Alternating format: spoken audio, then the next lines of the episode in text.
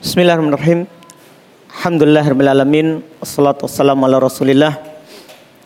Wa ala alihi wa wa man tabi'ahum bi ihsan ila yaumiddin. Amma ba'd.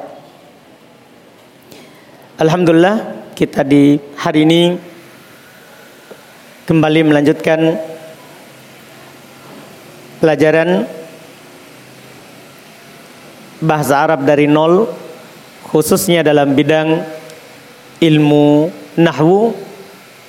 Alhamdulillah kita di pertemuan yang lalu telah selesai dari pembahasan al-asma al-marfu'at isim-isim yang di rofa.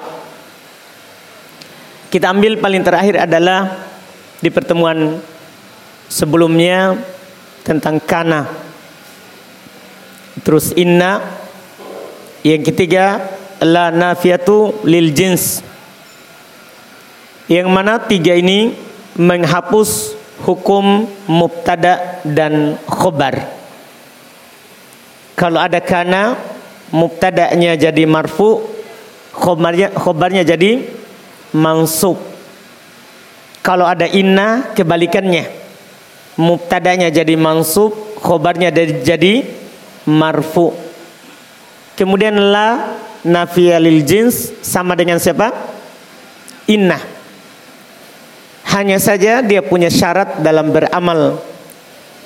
Dia isim dan khobarnya harus nakiroh isim dan khobarnya harus nakiroh dan isimnya tidak ditanwin. Isimnya tidak ditanwin. Di pertemuan ini Alhamdulillah ini pertemuan ke-10 Ini adalah pertemuan ke-10 Di pertemuan ke-10 ini kita akan masuk di bab yang baru. Babu mansubatil asma. Bab isim-isim yang di nasab Jadi di sini golongannya isim-isim yang dinasab. Isim-isim yang dinasab itu lebih banyak daripada isim yang dirofa. Kalau dilihat dari jumlahnya. Kalau dilihat dari jumlahnya. Yang mana di isim yang dirofa kita hanya bahas fa'il, naibul fa'il, mubtada, khobar, isim kana, khobar inna, khobar lana filil jins. Hanya tujuh. Hanya tujuh. Kalau di bab mansubat kita akan bahas lebih banyak. Kita akan bahas maf'ulun bi, maf'ul mutlak, maf'ul li ajli, maf'ul fi, maf'ul ma'ah. Hal, tamyiz, al-istitna, al-munada. Sembilan. Jadi tambah dua bab dari marfuat. Kalau marfuat tujuh, kalau mansubat sembilan. Cuman alhamdulillah pembahasan mansubat memang banyak, cuman dia pendek-pendek di setiap bab. Hanya ada, ada satu bab yang panjang, yaitu pembahasan al-istitna. Satu bab saja yang panjang. Dan itu yang pegang pembahasan. Itu satu bab. Kita berencana kalau diinginkan oleh Allah Subhanahu wa taala dan ikhwan cepat memahaminya, di bab mansubat ini kita ambil dua kali. Setelah mansubat kita tinggal sekali.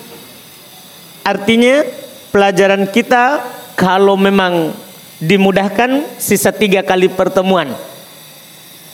Dan eh, nanti rencana kalau antum setuju nanti pekan depan itu kita akan selesaikan. Bukan pertemuan hari Senin saja.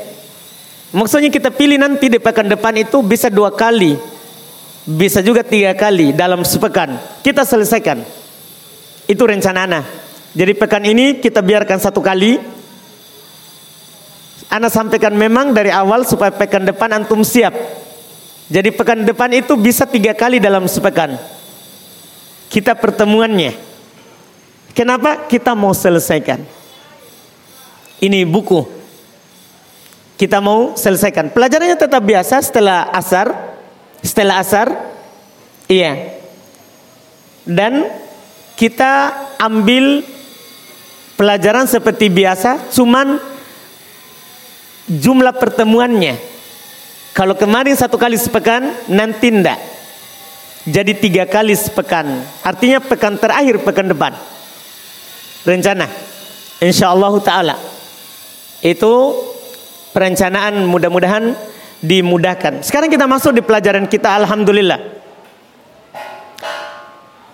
Antum perhatikan di papan ada beberapa isim yang mansubat yang Anda bilang tadi. Ya, yang paling pertama dari isim yang mansub ada namanya maf'ul bih. Ada yang disebut dengan al-maf'ul bih. Maf'ul bih ini maf'ulum bih ini dia adalah isim mansub. Kan kalau kemarin isim marfu. Selalu kalau dibilang isim yang di bab marfu, isim marfu. Kalau di sini isim apa? Mansub selalu bilang begitu. Jadi yang pertama ini yang disebut dengan maf'ul bih. Ini kata isim mansub. Dia disebut isim mansub. Itu dua dua ketentuan pertama. Namanya maf'ulun bih harus isim. Kemudian kedua harus mansub. Ciri yang ketiga, ini ciri kalau antum nanti sudah tahu terjemahannya. Dia kedudukannya dalam kalimat yang dikenai pekerjaan. Jadi dia harus ada fiil kata kerja, kemudian fa'il pelaku dari pekerjaan, setelah itu baru bisa ada maf'ulun bih. Kan dia yang dikenai pekerjaan. Sama dengan bahasa kita, bahasa Indonesia. Ada namanya subjeknya, ada namanya objeknya. Subjeknya ini, eh, objeknya ini, ini yang disebut dengan maf'ulun bi yang dikenai pekerjaan. Kalau anak bilang begini, saya memukul anjing. Dalam bahasa kita, saya memukul anjing. Apa yang dipukul? Anjing. Saya itu namanya pelaku. Yang dikenai pukulan itu namanya maf'ul bi dalam bahasa Arab. Dipahami ini? Contoh misalnya, anak anak katakan dalam contoh, misalnya Ya, kemarin kan ana katakan kan misalnya contoh di kalimat sebelumnya. Contoh kalimat sebelumnya. Doroba. Ini apa disebut? Fiil. Kata kerja. Saya tambah Zaid. Doroba Zaidun. Zaidun sebagai apa? Fa'il. Saya tambah. Sini kata ketiga. Kalban. Ini sekarang kita. Kan ini artinya Zaid memukul anjing. Ini anjing. Kenapa mansub sebagai apa dia? Sebagai apa dia? Itulah dibilang maf'ulun bi. Yang dikenai pekerjaan. Itu pengertian dasar kita. Maf'ulun bi adalah isim mansub. Isim mansub. Dan dia menunjukkan atas orang yang dikenai pekerjaan atau sesuatu yang dikenai pekerjaan. Kalau antum tidak bilang, kalau antum bilang orang kan harus orang. Antum bisa maknakan yang lebih luas. Sesuatu yang dikenai pekerjaan. Mencakup nanti orang, hewan, benda. Dipahami ini? Paham kan? Dan namanya maf'ulun bi antum baca mansub. Ini kan anak baca fathah. Anak baca apa? Fathah. Dan mansub itu harus fathah. Bisa ya kalau isi mutanna juga ya kalau jama mudzakkar salim, kasroh kalau jama muannas salim, ya kan? Pakai alif kalau dia asmaul khamsa. Dipahami ini? Tergantung yang di tabel. Tergantung yang di tabel. Ah, nanti ini kan alhamdulillah ada anak harokati. Nanti antum bisa harokati sendiri. Yang penting tahu itu adalah maf'ulun bi. Tahu itu adalah maf'ulun bi. Misalnya anak contohkan lagi misalnya akala. Ya, antum dapat kata akala akala. Ini apa ini akala? Ya? Fiil, kata kerja. Paham kan? Akala. Kemudian antum dapat misalnya ya, contoh di sini kita contohkan misalnya jangan Zaid. Kita contohkan Bakr. Bakr. Ya. Kemudian yang ketiga kita contohkan khubz. Ya, kata apa? Khubz. Lihat. Ini kan akala bakr khubz. Terjemahannya bakar makan roti. Mana yang dinasab dari ini kata kalimat? Mana yang dinasab? Bakar atau khubuz? Bakar atau khubuz? Khubz. Berarti khubz antum baca apa? Baca apa? Khubzan. Kenapa kalau antum ditanya? Kenapa antum mansub yang itu? Sebagai maf'ulun bi karena dia yang dimakan. Setiap kata yang dikenai pekerjaan itu disebut maf'ul bi. Disebut maf'ul bi. Dipahamkan? Jelas kan? Hanya saja tulisan saya tambah buruk karena saya gemetar karena ada syekh. Baik. Antum pahami kan? Iya. Tapi antum paham ini masalahnya. Jelas kan? Iya, antum bisa pahami yang ana bilang? Jadi ini khubzan. Ini poin kita sekarang. Kalau bakar sudah lewat. Isim setelah fi'il disebut apa? Fa'il, pelaku dari pekerjaan disebut apa? Fa'il. Berarti antum baca apa bakernya? Bakrun, bakron, bakrin. Ya? Apa? Apa? Bakrun. Kenapa sebagai apa? Fa'il. Kalau itu gampang. Kan kalau dia sebagai pelaku, marfu. Nah, sekarang ini, ini. Yang dikenai pekerjaan. Yang dikenai pekerjaan. Ini disebut dengan apa? Maf'ul bi. Paham maf'ul bi? Pak Adi, yakin Pak Adi, jangan bilang pura-pura. Betul. Ada fiil, ada fa'il baru maf'ulun bi. Kan tidak bisa tiba-tiba ada maf'ulun bi, tiba-tiba dia terpukul, tidak ada yang memukul. Kan tidak cocok. Tiba-tiba rotinya dimakan, tapi tidak ada yang makan. Bisa nggak Pak Adi? Tidak bisa, harus ada yang makan. Paham kan? baru ada dia. Jelas? Terakhir, ini maf'ulun bi terbagi dua. Bisa berupa dohir, itu tadi, dohir namanya. Dan bisa berupa apa? Domir. Paham gak ini? Lihat contoh anak, contoh berupa domir. Antum konsentrasi, paham kan? Itu yang bunyi antum tidak akan dengar kalau konsentrasi. Kalau konsentrasi. Iya. Jadi misalnya dia bisa jadi ini maf'ulun bi terbagi dua. Ini kita lambangkan dengan mim maf'ul bi. Dia terbagi dua. Ada yang dohir, ada yang dohir. Tahu dohir? Seperti tadi itu. Akala bakrun khubzan. Khubzan itu maf'ul bi apa ini khubzan? Maf'ul bi apa? Do, dohir. Dia juga bisa berupa domir. Bisa dia berupa apa? Domir. Bisa berupa domir. Tahu domir? Kata ganti kata ganti. Misalnya anak contohkan di sini ya. Iya. Akal tuhu. Akal tuhu. Tu artinya saya. Hu artinya dia. Akal tuhu. Siapa yang makan? Siapa yang makan? Siapa yang makan? Hah? Saya atau dia? Kan akal tuhu, tu saya, hu dia, saya makan dia. Ah, siapa yang makan? Apa? Saya. Berarti tu ini disebut apa? Disebut apa? Fa'il. Tu disebut fa'il. Hu-nya disebut apa? Disebut apa? Maf'ul bih. Antum pahami maf'ul bih? Ah, sekarang pertanyaannya. Ini maf'ul bih berupa apa? Berupa apa? domir. Pertanyaan anak, kenapa ndak ha? Kan maf'ulun bi. Kenapa ndak akal tuha? Kenapa? Mabni. Mabni. Dipahami kan? Nanti bisa dibaca ha, tapi artinya lain. Paham kan? Bisa juga antum taruhu ganti dengan ka. Akal tuka, saya makan kamu. Paham Pak Adi? Baik Pak Adi, saya tulis ulang begini. Saya tulis ulang. Ya, kata kalimat akal tuka. Ini contoh saja ya. Akal tuka. Tu saya, ka kamu. Akal tuka, saya makan kamu. Mana fa'il? Mana fa'il? Mana fa'il? Mana maf'ul bih? Mana? Ka. Paham Pak Adi? Hmm? Hu. Kenapa ndak ku? Yang ini. Kenapa? Oke, ini hu di domah. Kenapa tidak ha? Mabni. Kenapa tidak fathah? Mabni.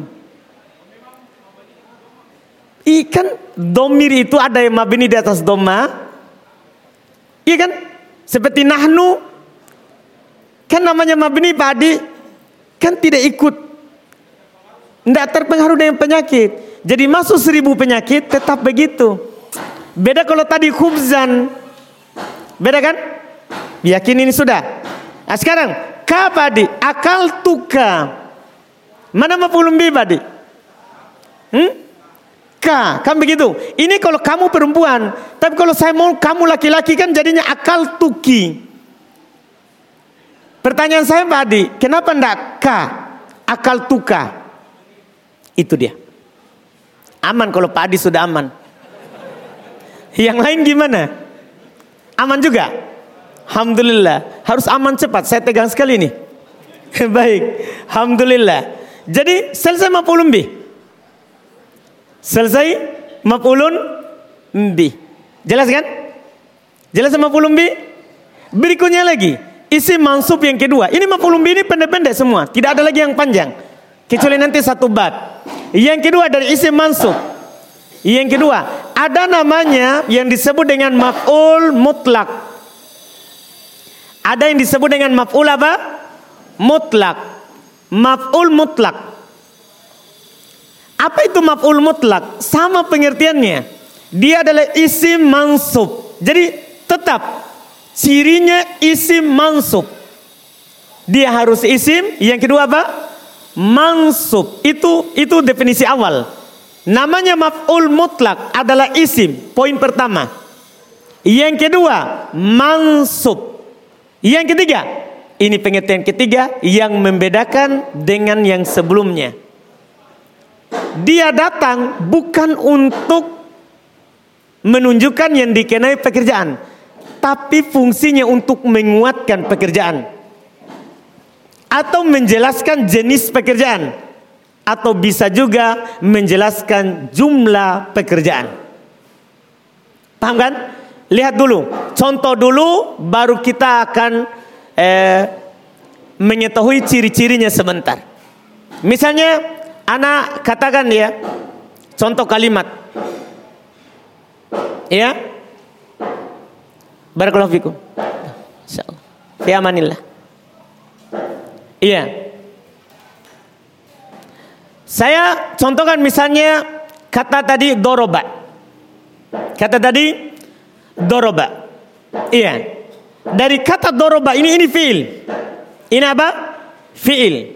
Iya. Saya datangkan fa'il misalnya dorob tu. Ini jadi sukun, ini tu. Nanti akan dipelajari kenapa sukun kalau ada tu. Dan kita sudah pelajari di tahap awal juga. Tapi nanti akan diingatkan lagi nanti di ilmu sorof. Ini disukun karena bersambung dengan domir yang berharokat. Tahu kan? Yang sudah lewat. Kan fil madi kalau bersambung dengan wau maka di domah. Kalau bersambung dengan ta ti tu maka dia di sukun. Ada paham? Ya kan? Sudah lewat. Masih ingat? Kan fil madi asalnya tetap di atas apa? Asalnya tetap di atas apa? Fathah. Kalau bersambung dengan wau domah. Kalau bersambung dengan ta itu sukun. Kan itu sudah lewat. Nah, makanya tadi dari kata doroba samunan tu menjadi dorob tu. Dorob tu. Langsung datang setelahnya kata mansub. Dorob tu dorban. Dorob tu dorban. Ini kan terjemahannya.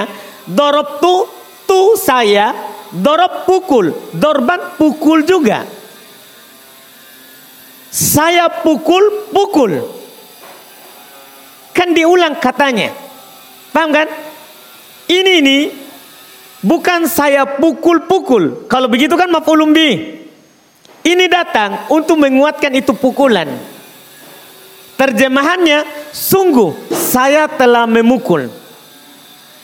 Sungguh saya telah memukul. Ini ini dorban disebut dengan maf'ul bi, eh maf'ul mutlak.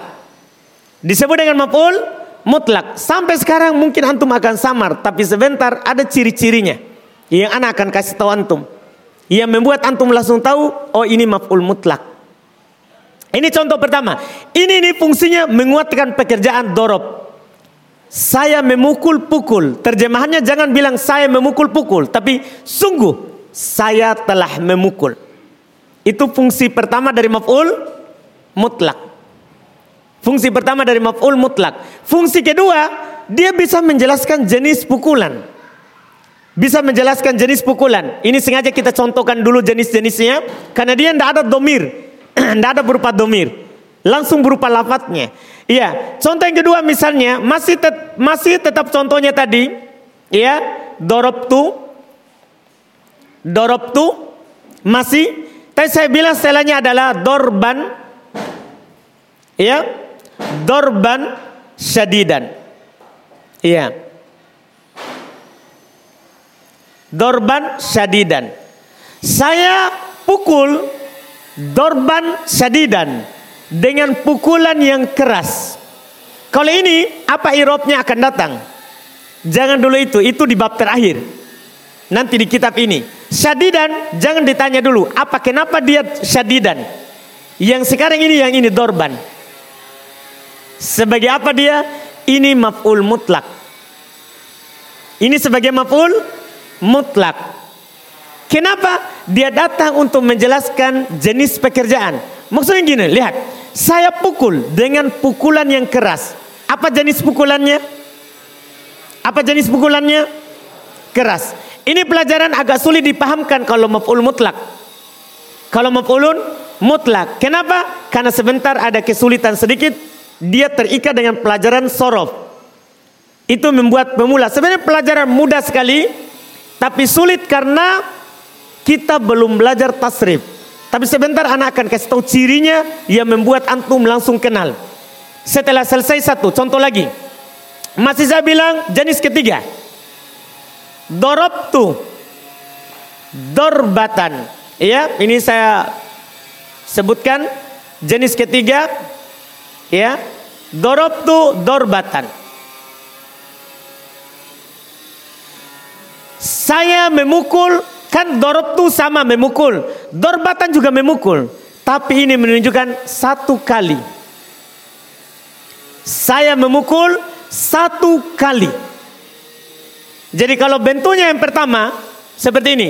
Dorob tuh dorban bentuk biasa. Maka sungguh saya memukul. Kalau ada kata tambahan kedua begini.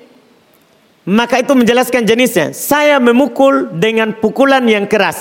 Kalau bentuknya dorbatan, maka ini menunjukkan jumlah pekerjaan. Artinya polanya nanti polanya adalah fa'latan. Polanya adalah fa'latan. Kalau ada pola fa'latan itu menunjukkan jumlah pekerjaan. Menunjukkan apa? Jumlah pekerjaan. Berapa kali dia lakukan. Menunjukkan apa? Jumlah pekerjaan. Berapa kali dia lakukan. Jelas ini? Ini tiga fungsinya. Tiga fungsinya ini agak sulit dipahami kalau dari nol. Kalau dari nol. Yang cocok dari nol adalah kita kasih tahu itu biasanya maf'ul mutlak. Biasanya maf'ul mutlak supaya antum bedakan dengan maf'ul bih tadi. Biasanya maf'ul mutlak selalu sama dengan lafat fiilnya. Terserah dia mau menjelaskan jenis, menguatkan atau menjelaskan jumlah pekerjaan. Dia selalu sama dengan lafaz fiilnya. Lihat. Dorobtu dorban. Sama? Sama? Dorobtu dorbatan. Sama? Sama? Sama enggak? Sama. Intinya lihat. Dot, ro, ba. Dorbatan. Ada dot? Ada dot? Ada. Ro, ba. Itu ciri-ciri maf'ul mutlak. Dipahami ini? Selalu sama dengan lafat fiilnya. Itu ciri pertama. Dipahami ini? Antum dapat di Quran, di hadith, di Arab gundul. Kapan sama dengan lafat fiilnya? Itu maf'ul mutlak. Karena kalau kita jelaskan seperti tadi, cuma kita harus menempuh. Kan itu cara menerjemahkannya nanti. Tapi bagi pemula enggak apa-apa.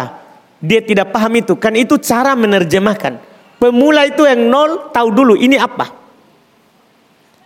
Mansub kenapa? Dipahami ini. Lihat. Kita lihat kembali maf'ulun bih. Lihat kembali maf'ulun bih. Akala bakrun khubzan.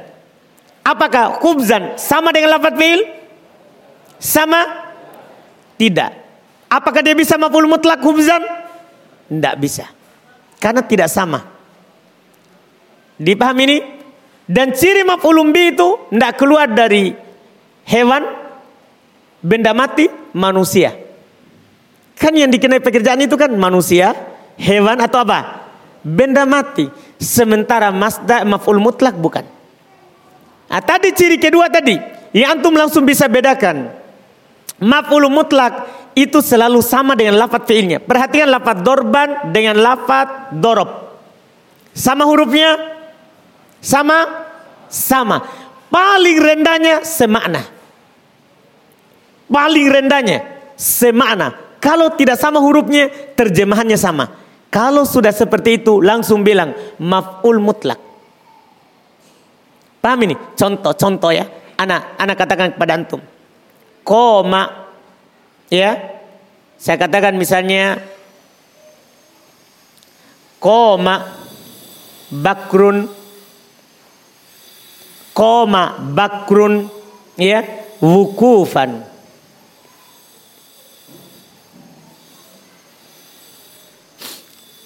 Koma bakrun wukufan. Koma itu terjemahannya berdiri. Paham ini? Wukufan juga terjemahannya sama, berdiri. Iya? Ber, berdiri ini juga sama. Sama-sama terjemahannya berdiri. Ini pertanyaannya, kenapa wukufan mansub? Kenapa wukufan mansub? Sebagai apa? Maf'ul? Maf'ul? mutlak. Ada yang bilang maf'ul bih. Maf'ul bih itu yang dikenai pekerjaan. Sekarang kalau saya terjemah, bakar berdiri berdiri. Apakah maf'ul bih itu? Apakah dia dikenai pekerjaan? Pertanyaan kita, apakah dia orang? Benda mati? Hewan? Berarti bukan maf'ulun maf'ulun bi, itu yang dari nol. Jadi maf'ulun bi itu biasanya orang, hewan atau jamadat, benda mati. Paham gak ini? Dipahami ini? Ah, inilah yang disebut maf'ul mutlak. Kenapa? Kenapa? Semakna. Ini yang kedua. Karena koma maknanya berdiri, wukufan maknanya apa? Berdiri. Dipahami ini? Sama dengan Anda bilang begini. Anda contoh kayak contoh berikutnya. Anda bilang, ya, jalasa jalasa Zaid.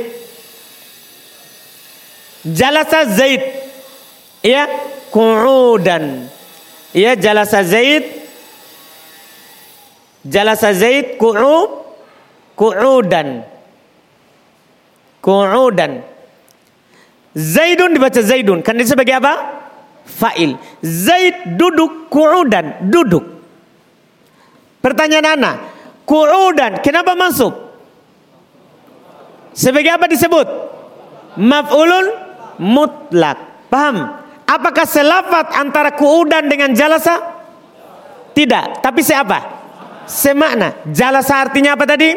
Duduk. Sementara kuuda duduk. Sama terjemahannya. Maka sudah itu adalah maf'ul mutlak. Paham cara mengenalnya ini? Ini kita tempuh cara begini karena kita belum belajar sorof. Kalau orang yang sudah belajar sorof, siapa tahu di antara antum sudah pelajari.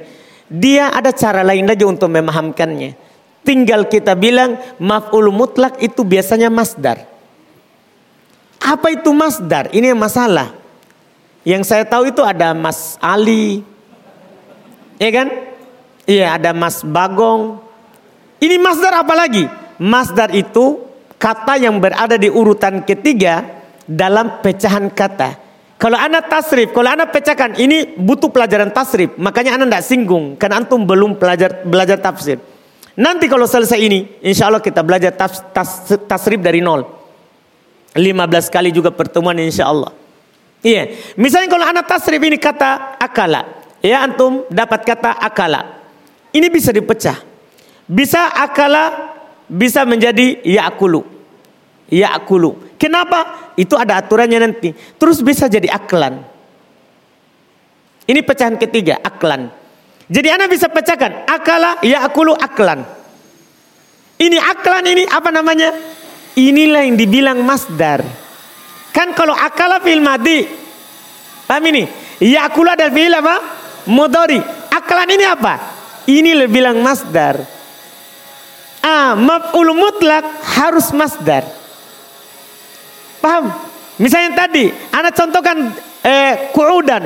Karena kalau anak tasrif, ko'ada yak'udu ku'udan. Berarti dia siapa? Ko'ada yak'udu ku'udan. Ku'udan berarti apa? Apa? Masdar. Cocok nggak jadi maf'ul mutlak? Cocok nggak? Karena namanya maf'ul mutlak harus masdar. Contoh lain lagi tadi di atas. Koma bakrun wukufan. Wukufan saya tasrif kata wakofa. Ini wukufan dari kata wakofa. Ya dari kata wakofa. Saya akan tasrif wakofa yakifu wukufan. Berarti ini wukufan urutan ke berapa? Urutan ke berapa? Ketiga. Berarti dia siapa? Mas masdar. Paham kan? Dan kalau ada masdar mansub sebagai apa? Sebagai apa? maf'ul mutlak. Lihat tadi, dorobtu dorbatan. Coba saya tasrif. Doroba yadribu dorbatan. Keberapa? Ketiga. Berarti dia siapa di ini? Mansub. Maf'ul? Maf'ul apa mansub ini? Maf'ul mutlak. Tadi juga. Dorobtu dorban. Kan saya tasrif. Doroba yadribu dorban. Urutan keberapa? Ketiga. Berarti dia siapa dulu? Masdar. Di sini mansub sebagai apa? Sebagai apa? Maf'ul mutlak. Ini nanti akan mantap kalau antum sudah belajar sorof. Karena sebenarnya ada cara mudah memahami ini maf'ul mutlak. Cara mudahnya maf'ul mutlak harus masdar. Selesai cerita kalau antum tahu itu. Cuman mungkin di antara antum belum pernah belajar tasrif. Jadi agak sulit antum memahami. Tapi caranya itu tadi. Bisa pakai cara lain. Cara menentukan maf'ul mutlak adalah sama lafaz dengan fi'il atau sama makna. Antum walaupun orang bilang bukan eh maf'ul mutlak. Kenapa? Sama lafat. Itu namanya cara kedua. Atau bisa antum anggap cara pertama kalau antum tidak tahu tasrif. Ada paham kan? Paham ini? Anak tempuh dua cara itu mana yang antum mudah pahami itu antum bisa tempuh. Jadi cara pertama lihat selafat enggak atau semakna. Saya contohkan yang lain ya untuk menguji pemahaman antum. Pak Adi, paham yang ini saudara? Selafat, semakna. Kalau mau pemahaman kedua, urutan ketiga dalam tasrif. Tapi masalahnya nanti ada juga urutan ketiga dalam tasrif tapi bukan maf'ul mutlak. Kalau tidak selafat dan tidak sema, semana. Saya contohkan Pak Adi. Saya contohkan. Alhamdulillah ketegangan sedikit hilang. Karena tadi terus terang saya gemetar. Biar tangan gemetar. Karena berdiri eh, berbicara tapi ada eh, guru saya waktu di Makbar. Itu bermasalah kalau bicara di atas guru. Iya. Mungkin semua murid merasakan seperti itu, tapi wallahualam. Kalau saya saya tadi luar biasa. Tidak panas tapi saya berkeringat. Iya, saya mau menulis tidak bisa. Bergerak sendiri pulpennya. Iya, tapi alhamdulillah iya sudah hilang ketegangannya. Jadi sekarang Pak Adi ya, Pak, Pak Adi saya contoh. Iya. itu imanan.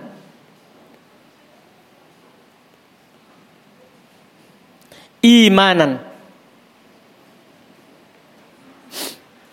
Saya solat imanan. Iman ini tadi masdar. Urutan ketiga dalam tasrif. Karena tasrifnya amana yu'minu imanan. Urutan keberapa? Ketiga. Berarti dia mas masdar. Pertanyaan saya tadi, apakah ini masdar sebagai maf'ul mutlak? Hmm? Maf'ul mutlak. Sekarang buktikan ucapan tak. Apakah antara iman dan solat satu lafaz? Itu pertanyaan Ana. Apakah antara iman ini dan solat selafat semakna? Sekarang, apakah solat itu iman artinya? Hah? Tegangkan juga. Bahaya jangkiku tegang. Alhamdulillah. Hmm. Iya, alhamdulillah. Kan tadi Pak Adi gini kan? Gini, cara memahami masdar kan dua cara. Antum silakan tempuh. Anak pilihkan itu mana yang mudah bagi antum. Cara memahaminya bagi orang yang sudah belajar tasrif. Dia adalah masdar. Pecahan ketiga dalam pecahan kata. Setiap kita pecahkan sebuah kata, maka dia urutan ketiga. Nah, misalnya antum pecahkan akala. Akala yakulu aklan. Oh, masdar. Paham kan? Nah, terus, tidak semua masdar itu padi adalah maf'ul mutlak. Tidak. Antum masuk ke ciri kedua. Dia harus selafat dengan fiilnya.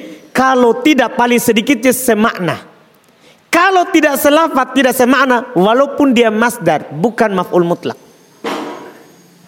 Sekarang saya tanya ulang Pak. Solaitu imanan. Imanan masdar secara teori. Kan dia urutan ketiga. Amana yu'minu imanan. Ketiga. Tapi pertanyaan anak De. Apakah dia maf'ul mutlak? Iya. Kita buktikan. Selafat tidak. Semakna. Ini artinya solat. Ini sholat itu artinya sholat. Iya, ini iman artinya iman. Semana? Semana? Semana? Tidak. Apakah dia mampu mutlak? Hmm?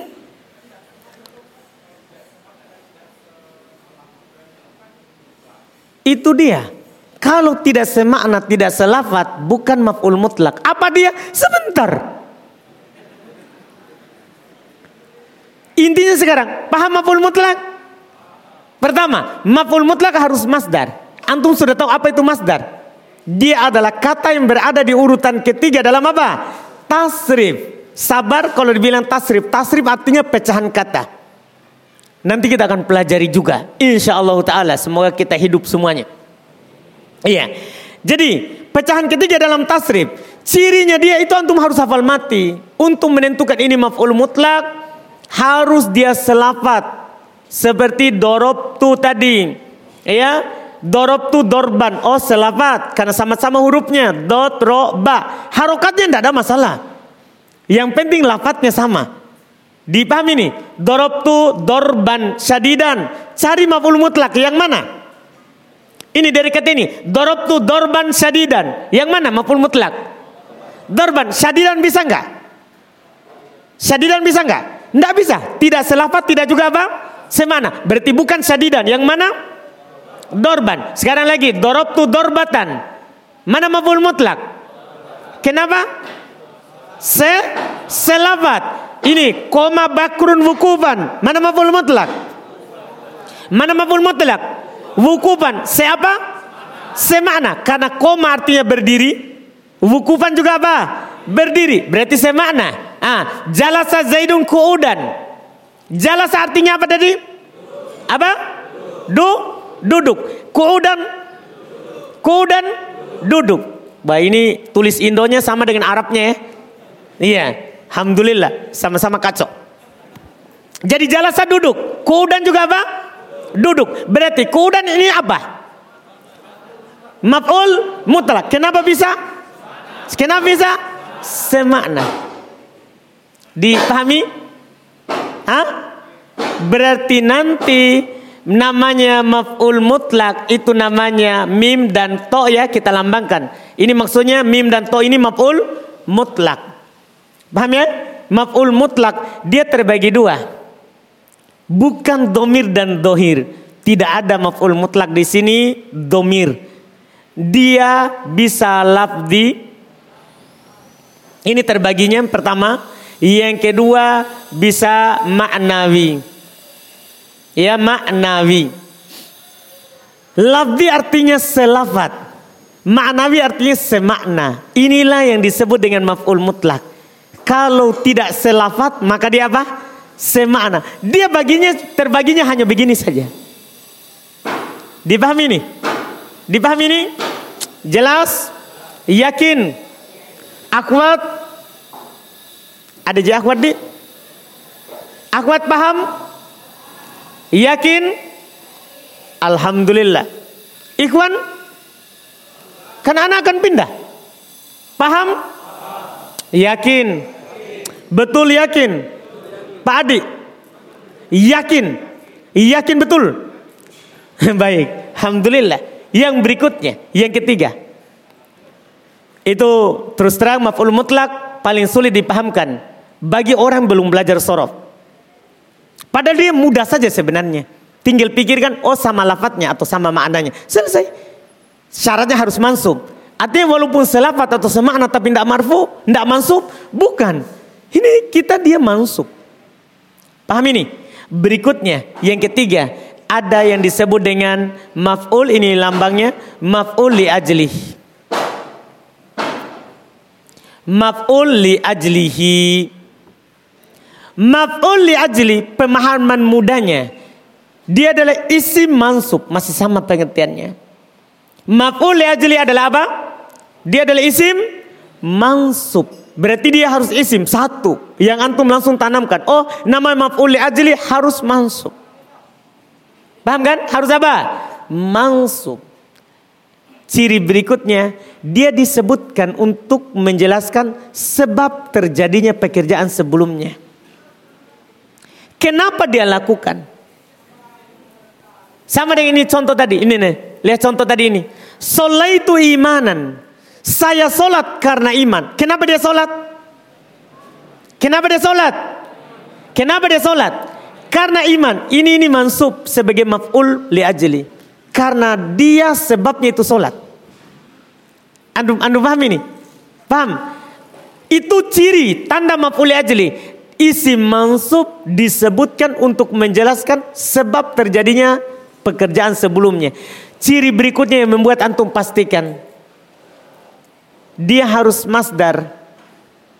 Dia harus masdar. Sama dengan maf'ulun mutlak. Tapi tidak selafat dan tidak semakna dengan maf'ul mut, dengan fiilnya. Isim yang mansub itu cuma ada dua kalau masdar. Saya ulangi ini untuk memudahkan. Masdar yang mansub cuma dua. Berdasarkan penelitian. Masdar yang mansub cuma dua. Satu maf'ul mutlak yang kedua maf'ul li ajli. Cuma dua ini. Maf'ul mutlak cirinya tuh sudah tahu lah. Selafat atau apa? Semana. Kalau tidak selafat, tidak semana, ini dia langsung tunjuk batang hidungnya. Maf'ul li ajli. Contoh, solaitu imanan. Imanan mansub isim isim mansub masdar masdar selafat Semana berarti siapa? Cocok untuk maf'ul ajli. Dipahami ini? Perbedaan berikutnya yang antum langsung tunjuk ini maf'ul mutlak, ini maf'ul ajli. Maf'ul ajli rata-rata perbuatan hati. Sementara maf'ul mutlak perbuatan anggota badan. Antum coba lihat tadi. Doroba, perbuatan apa? Perbuatan apa doroba? Hah? Anggota badan, ada orang pukul dengan hati. Bisa pukul dia dengan hatiku. Itu namanya apa itu? Hah? Hah? Hayalan. Masa pukul dengan hati? Paham ini? Jadi rata-rata lihat tadi contohnya akal tu aklan jalas jalasa zaidun kuudan itu perbuatan apa? Perbu perbuatan siapa? Anggota badan. Kalau yang maf'ul li ajli itu rata-rata perbuatan hati. Lihat, itu imanan. Saya solat karena keimanan. Perbuatan apa itu iman? Perbuatan apa itu iman? Hati. Di, dipahami kan? Dipahami ini? Misal contoh lain, contoh lain. Contoh yang panjang ini ya, saya coba panjang sedikit. Akal tu akal tu khubzan.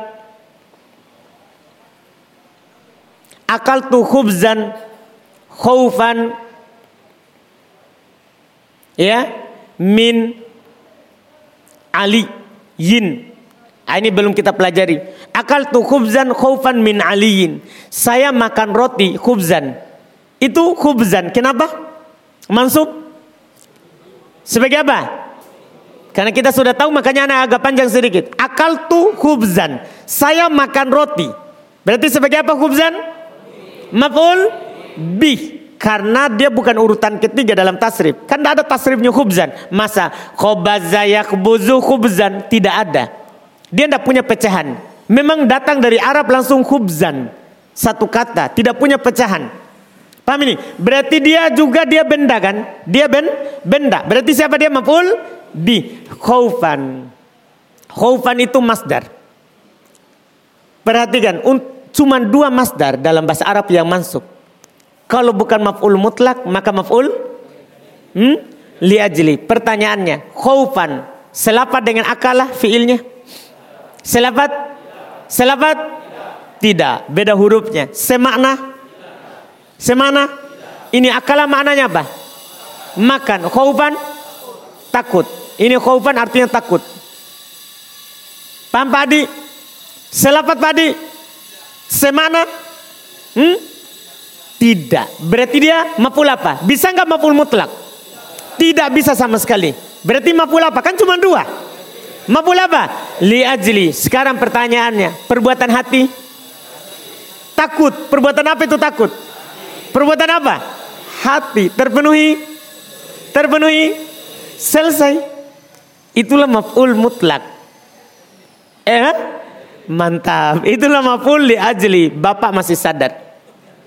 Itulah maf'ul li ajli. Bisa bedakan maf'ul mutlak dengan li ajli? Bisa? Bisa?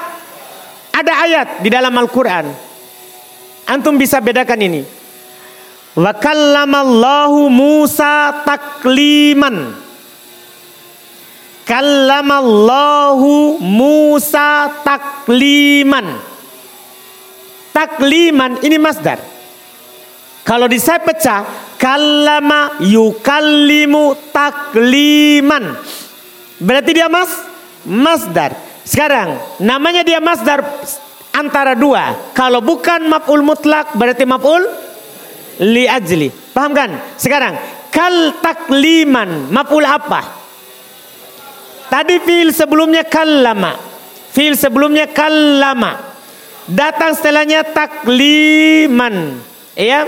Datang setelahnya ya. Datang setelahnya menjadi takliman.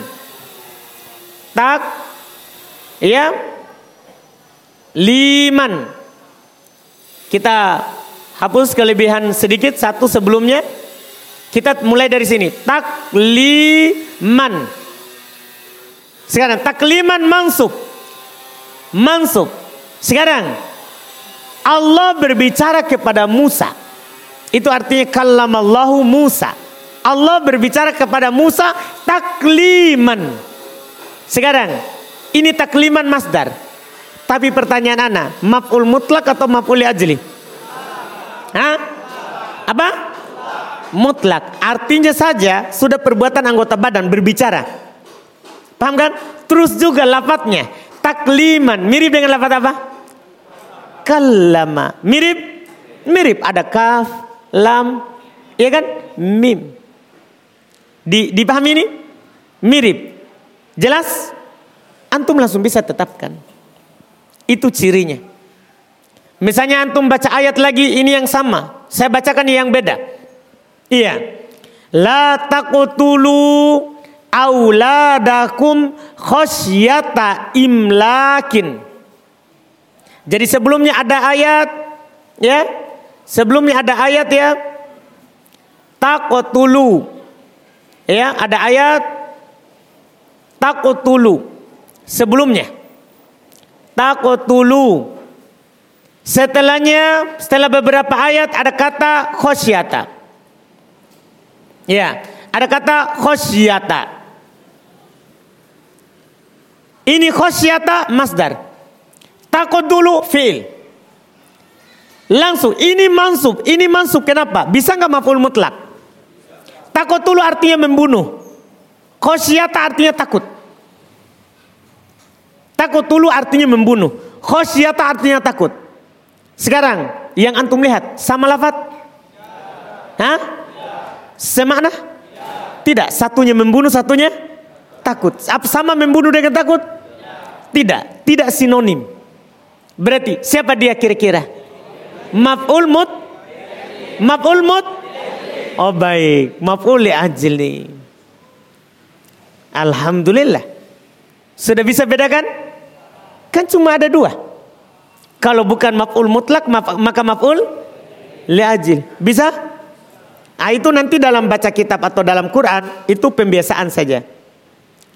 Antum ingat sama lafat oh maf'ul mutlak. Sama makna maf'ul mutlak. Tidak maf'ul li'ajil. Maf'ul li'ajil. Dipahami ini? Jelas? Siapa yang belum paham? Hmm.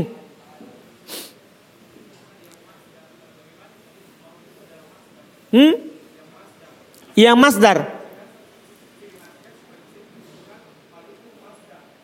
Baik. Ciri khasnya kalau itu masdar. Ini yang anak takutkan. Orang bertanya bagaimana itu masdar. Karena itu pembahasannya siapa? Sorof. Tapi tidak ada masalah padi. Karena ada di sana bentuk terbanyak untuk masdar. Masdar itu padi punya bentuk terbanyak. Maksudnya walaupun ada bentuk lain. Cuman untuk orang dari nol biasanya anak jawab dengan jawaban ini. Masdar itu tadi dia itu bentuk terbanyaknya dua. Ini kita hapus dulu berarti ada empat ini. Eh karena tadi kita mau masuk sebenarnya tapi karena Pak Adi tanya kita mulai dulu dengan maf'ul mutlak. Mim to itu lambangnya. Ya, dia kan harus masdar. Demikian pula tadi maf'ul mim sama li. Maf'ul ya li ajli kan harus masdar. Dia punya bentuk terbanyak. Ini untuk yang dari nol ya. Kalau nanti kita sudah belajar tasrif, nanti ada 22 bentuk Badi. Ada 22 bentuk. Tapi jangan dulu. Karena kalau kita sibuk itu kita akan lupa ini. Karena ada pelajarannya tersendiri. Tapi ada bentuk terbanyak. Bentuk terbanyak dari masdar itu adalah fa'lan, kalau antum dapat kata fa'lan seperti tadi, dorban, kotlan, aklan, khaufan, itu semua fa'lan. Goslan, itu semua bentuknya apa? Fa'lan. Paham? Kalau antum dapat pola ini, oh sudah, masdar namanya. Dipahami Pak Jelas? Yakin? Bentuk kedua juga banyak datang dalam kalimat adalah fu'ulan. Fu'ulan. Seperti tadi, wukufan, khurujan, ya, ku'udan, itu bentuk kedua, bentuk terbanyak. Ini pola apa? Masdar. Jelas kan? Ini polanya masdar. Ini untuk yang dari dasar. Ini yang dari dasar. Nanti tidak hanya ini, ada 22 polanya, tapi di pembahasannya. Ini untuk pemula. Karena kita tidak mau membahas masdar. Ini kebetulan saja kata yang mansub sebagai maf'ul mutlak atau sebagai maf'ul lajli harus apa? Harus apa? Masdar. Sekarang masdar itu apa? Dia adalah kata yang berada di urutan ketiga dalam pecahan kata. Biasanya itu fa'alan kebanyakannya. Lihat ya, saya contohkan 10 kata misalnya. Kotala yaktulu kotlan. Kotala yaktulu kotlan. Oh fa'alan. Fa'alan. Mana yamna'u man'an. Oh fa'alan. Fataha yaftahu fathan fa'lan. Gosala yaksilu goslan fa'lan. Nah, sami'a yasma'u sam'an oh fa'lan. Fa'lan. Dipahami kan? Jelas kan? Eh bukan. Oh tanwin. Kalau ndak ada alnya. Kan nanti bisa beral. Kan ciri-cirinya isim itu kan bertanwin. Kalau saya masukkan al, tidak jadi. Paham kan? Misalnya tadi di contoh ter, di di atas tadi Pak Adita, saya bilang tadi ini ada jalasa zaidun ku'udan. Kan di tanwin ini. Kenapa di tanwin? Karena tidak ada al. Kalau saya pakaikan al, jalasa zaidun al ku'uda, tidak boleh tanwin. Karena ada apanya? Al. Itu kan tanwin tidak usah kita bahas. Mansubnya. Kalau tanwin itu kan ada al tidak tanwin, tidak ada al tanwin. Sudah? Apalagi? Apalagi? Keluarkan semua mi isi hati tak? Oh tidak ada mi? Yakin tidak ada mi? Hah? Yakin pak? Baik. Yang keempat? Iya. Yeah. Isi mansub yang keempat. Ya, isi mansub yang keempat. Iya. Masih namanya, ada namanya maf'ul fi. Kalau tadi itu li ajli. Yang tadi barusan. Kalau ini maf'ul fi. Apa itu maf'ul fi? Kalau pengertiannya dari maf'ulun bi sama. maf'ul fi itu adalah isi mansub. Sama. Bedanya berikutnya. Dia menunjukkan waktu terjadinya pekerjaan atau tempatnya. Di buku Alhamdulillah untuk memudahkan pemula anak kasih semua kata-katanya. Tapi di sini dulu antum pahami di papan. Maf'ul fi, maf'ul fi. Saya ulangi maf'ul fi. Dia isim. Mansub. Menunjukkan waktu terjadinya pekerjaan atau apa? tempatnya. Jadi maf'ul fi ini terbagi dua. Bisa menunjukkan zaman, zaman waktu terjadinya pekerjaan atau apa ma makan tempat terjadinya pekerjaan. Mudah sekali. Dia bukan lagi masdar. Sudah keluar dari pembahasan masdar. Dia bukan lagi masdar. Dia adalah kata yang mansub. Yang menunjukkan waktu terjadinya pekerjaan atau tempatnya. Diringkas dua ini, diringkas dua ini dengan kata dorf. Ini lebih bilang dulu dorf. Waktu di pembahasan eh, mutho, khobar. Kata yang menunjukkan atas waktu atau kata yang menunjukkan atas tempat ini disebut apa? Dorfun. Dan dorob itu hukumnya mansub. Kalau ditanya, kenapa dorob mansub? Sebagai maf'ul fi. Sebagai maf'ul apa? fi dipahami ini contoh contoh contoh misalnya anak katakan begini ya Zaid. Antum baca apa Zaid? Zaidun dan Din. Ha Zaidun. Jangan takut isim di awal kalimat sebagai muta mubtada. Mubtada hukumnya mar marfu. Zaidun amama. Ya saya tulis. Zaidun amama. Al-baiti.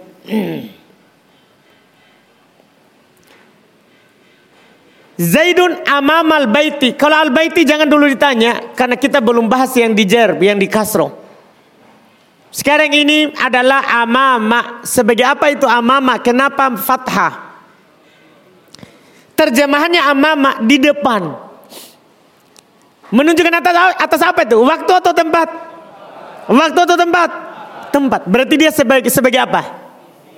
Maf'ul apa? Maf'ul apa? Fi. Maf'ul fi. Maka hukumnya apa? Man mansub. Dipahami nih?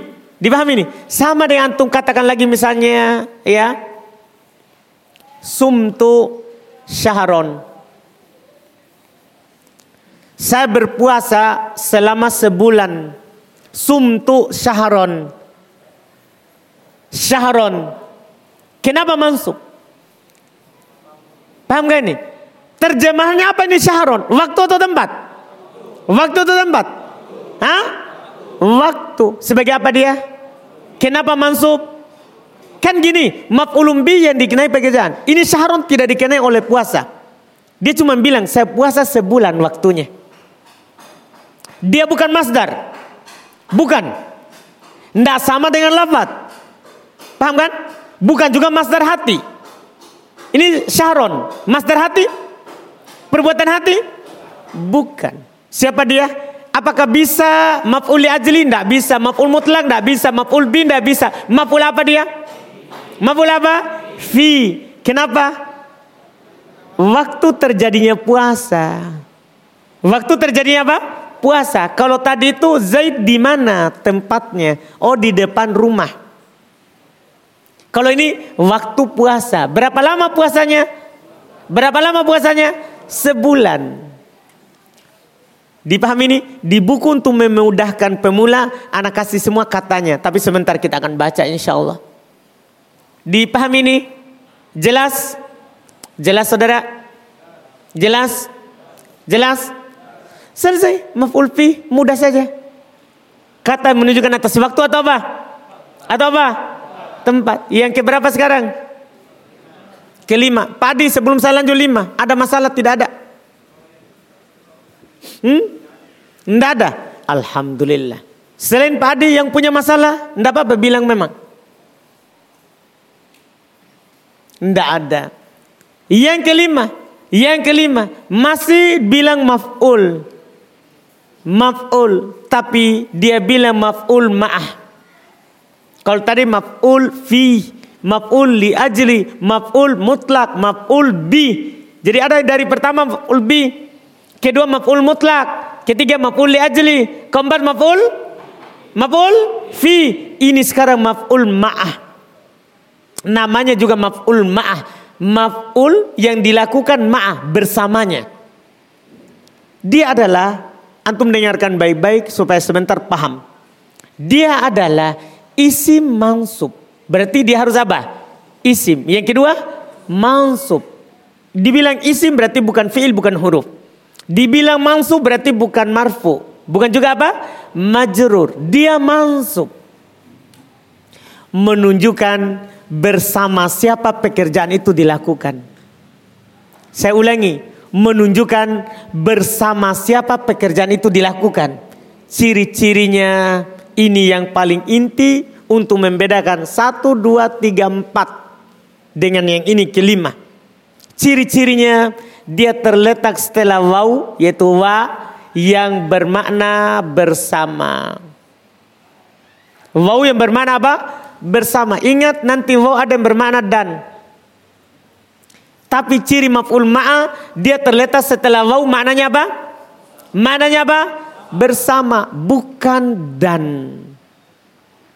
Dipahami ini? Bukan apa? Dan. Jelas pengertiannya dulu?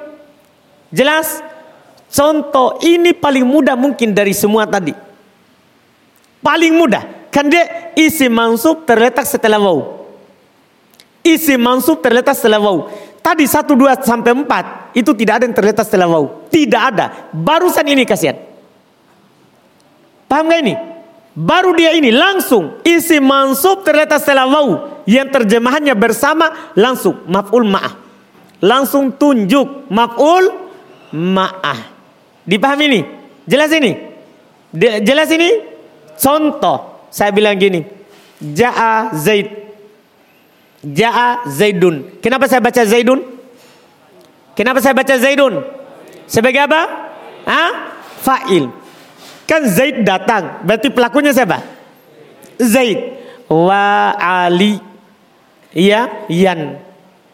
Wa Aliyan datang Zaid datang bersama Ali itu terjemahannya Zaid datang bersama Ali paham gak ini apa ini kenapa mansub alian maf'ulun bi bukan maf'ulun bi tidak terletak setelah waw maf'ul li ajli tidak bisa maf'ul mutlak tidak bisa maf'ul fi tidak bisa karena Ali bukan waktu bukan juga tempat berarti maf'ul apa dia yang ciri-cirinya di awal oleh waw maf'ul apa ma'a. Dipahami ini? Terjemahnya apa tadi wawunya? Bersama. Dan harus mansub. Karena nanti itu bisa nanti ja'a zaidun wa aliyun. Bisa. Wa aliyun. Ah, ini artinya berarti kalau setelah waw sama dengan sebelum waw maka waw ini artinya dan. Pastikan ini bukan maf'ul ma'ah wa aliyun. Terjemahannya nanti ja'a zaidun wa aliyun. Zaid dan Ali datang. Bedakan dan sama bersama. Paham kan? Beda kan? Beda. Dipahami nih. Sama dengan anak bilang begini. Ya, anak contohkan misalnya, ya contohkan saro, saro, saro artinya berjalan. Saro Ali. Tadi mansub ya, kalau sekarang Aliyun. Karena dia sebagai apa? Fa, fa'il wa asyamsu ya wa wasyamsu. Kalau dibaca rofa berarti Ali dan matahari berjalan dan Ali dan matahari berja, berjalan pakai dan dan bersama itu menunjukkan dia sama melakukannya. Kalau dan sama melakukannya. Kalau ini tidak harus sama melakukannya. Nah, matahari di atas, Ali berjalan di bawah, bisa dikatakan bersama. Kenapa? Karena di bawah cahayanya. Kalau antum baca wasyamsu berarti sama-sama ini berjalan. Ali dan matahari. Kita sekarang tidak baca wasyamsu. Karena kalau dibaca wasyamsu lain. Wawunya lain artinya. Sekarang kita mau baca sesuai dengan pembahasan kita. Wasyamsa. Pertanyaan Ana. Kenapa Ana baca wasyamsa? Fathah. Sebagai apa? Ah? Sebagai apa? Maf'ul? Ma. Dan kalau Ana baca maf'ul ma. Ini terjemahkan bersama. Ali berjalan bersama matahari. Ada paham langsung terjemahannya. Tapi kalau saya bilang wasyamsu dan jadi beda artinya kalau beda harokatnya. Beda artinya kalau beda apa? Harokatnya. Dipahami ini? Dipahami ini? Dipahami ini? Jelas? Jelas ya? Ah, perbedaan secara harokat sekarang. Perbedaan secara harokat. Kalau wawunya bermakna dan, maka setelah waw itu pasti sama dengan sebelumnya. Paham? Kalau wawunya bermakna dan, kan tadi wawunya bisa bermakna dan, bisa bermakna apa? Bersama. Kalau maknanya dan, maka setelah waw itu pasti sama harokatnya. Misalnya, ja'a zaidun wa aliyun, pasti. Itu antum terjemahkan dan. Tapi kalau beda harokatnya, terjemahkan bersama. Terjemahkan apa? bersama. Dan nanti itu ada yang boleh dua bacaan dan ada yang tidak boleh. Ini untuk pembahasan penutupnya ini yang maf'ul ma'ah. Ya, dia bisa dibaca dua misalnya ini. Ja'a al Zaidun wa Ali. Zaid bisa datang? Zaid bisa datang? Hah? Saya pertanyaannya, jangan ja'a Zaidun wa Ali. Zaid bisa datang? Bisa? Bisa. Ali bisa datang? Bisa. Ini bisa dua bacaannya. Bisa antum baca wa aliyun, bisa baca wa aliyan. Paham? Kalau antara set sebelum wau dengan setelah wau sama-sama bisa datang, bisa dua bacaan. Ndak antum ndak disalahkan. Boleh antum baca Zaidun wa Aliyun, boleh Zaidun wa Aliyan. Artinya bisa sama bisa beda. Tapi kalau anda contohkan di sini, anda hapus saro supaya lebih dipahami. Anda ganti dengan datang. Supaya lebih dipahami ini yang anda maksudkan. Anda ganti di sini dengan ja'a. Ja'a aliun wasyamsa. Ja'a aliun wasyamsa. Ali tadi bisa datang? Bisa. Matahari bisa datang? Bisa? Bisa datang bersama Ali? Bisa? Tidak bisa. Kalau tidak bisa, maka di sini tidak punya pilihan lain kecuali fathah. Dipaham? Jadi kalau sebelum wau dan setelah wau sama-sama bisa melakukan pekerjaan. Jadi pekerjaan maksudnya itu fiilnya. Paham kan? Maka boleh dua bacaan. Antum tidak disalahkan. Boleh antum baca fathah mansub sebagai maf'ul ma'ah dan boleh antum baca seperti sebelum wau. Ikut harokatnya sama kalau sama-sama bisa, tapi kalau hanya sepihak yang melakukannya, wajib setelah wau mansub. Paham ini? Wajib setelah apa? Mansub. Dipahami ini? Sama dengan anak, anak bilang begini. Misalnya antum katakan ya akal tu akal tu ya wa tulu asyams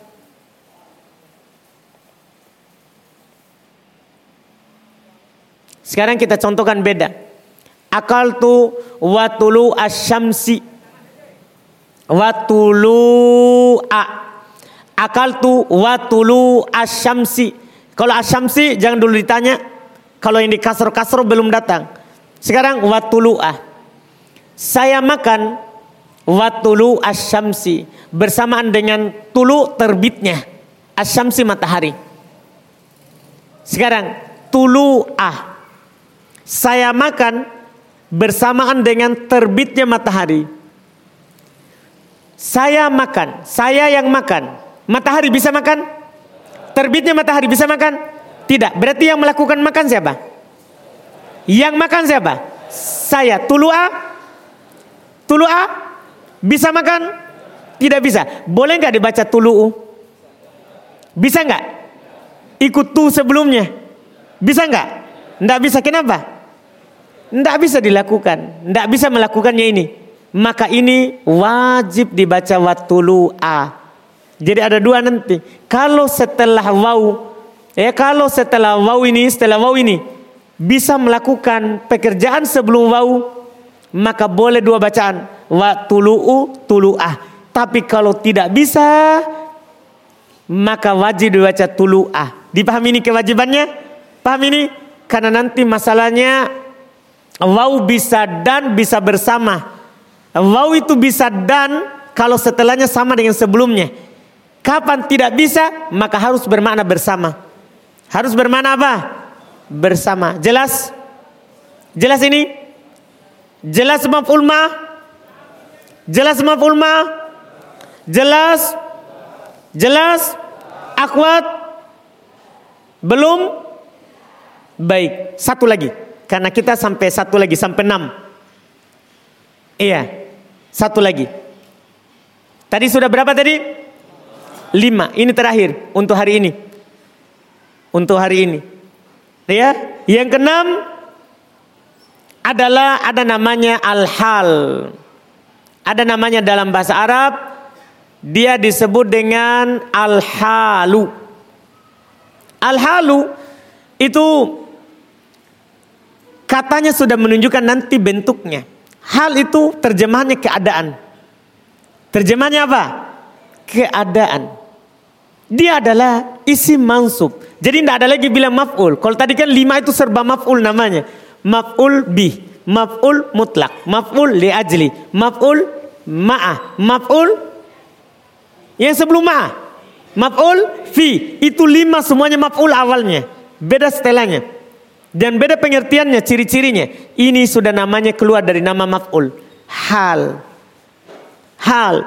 Pengertiannya sama dengan sebelumnya, sama dengan lima sebelumnya.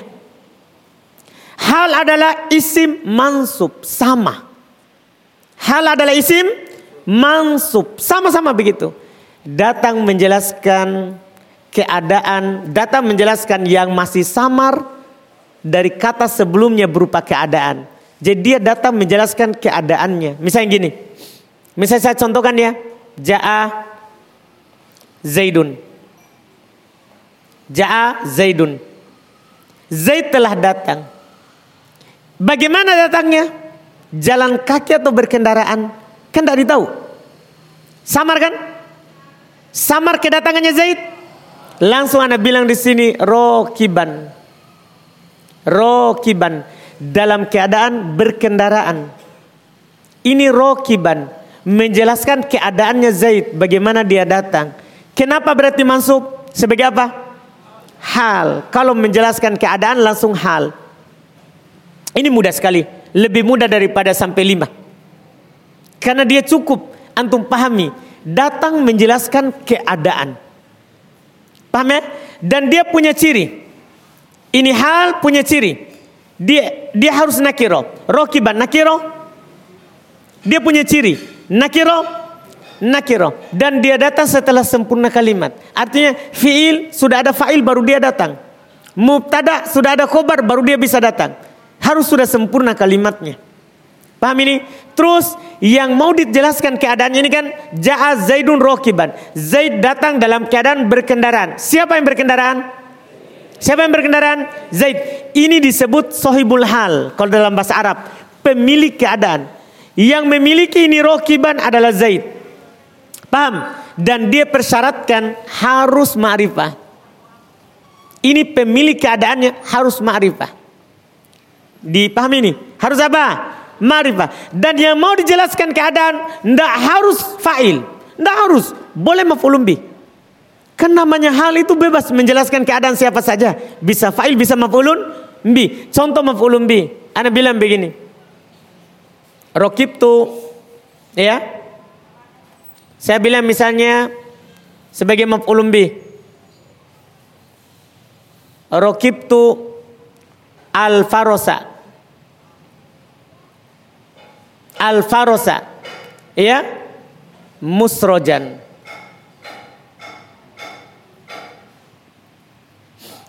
Ya. Rokibtu, tu artinya saya. Rokiba menaiki.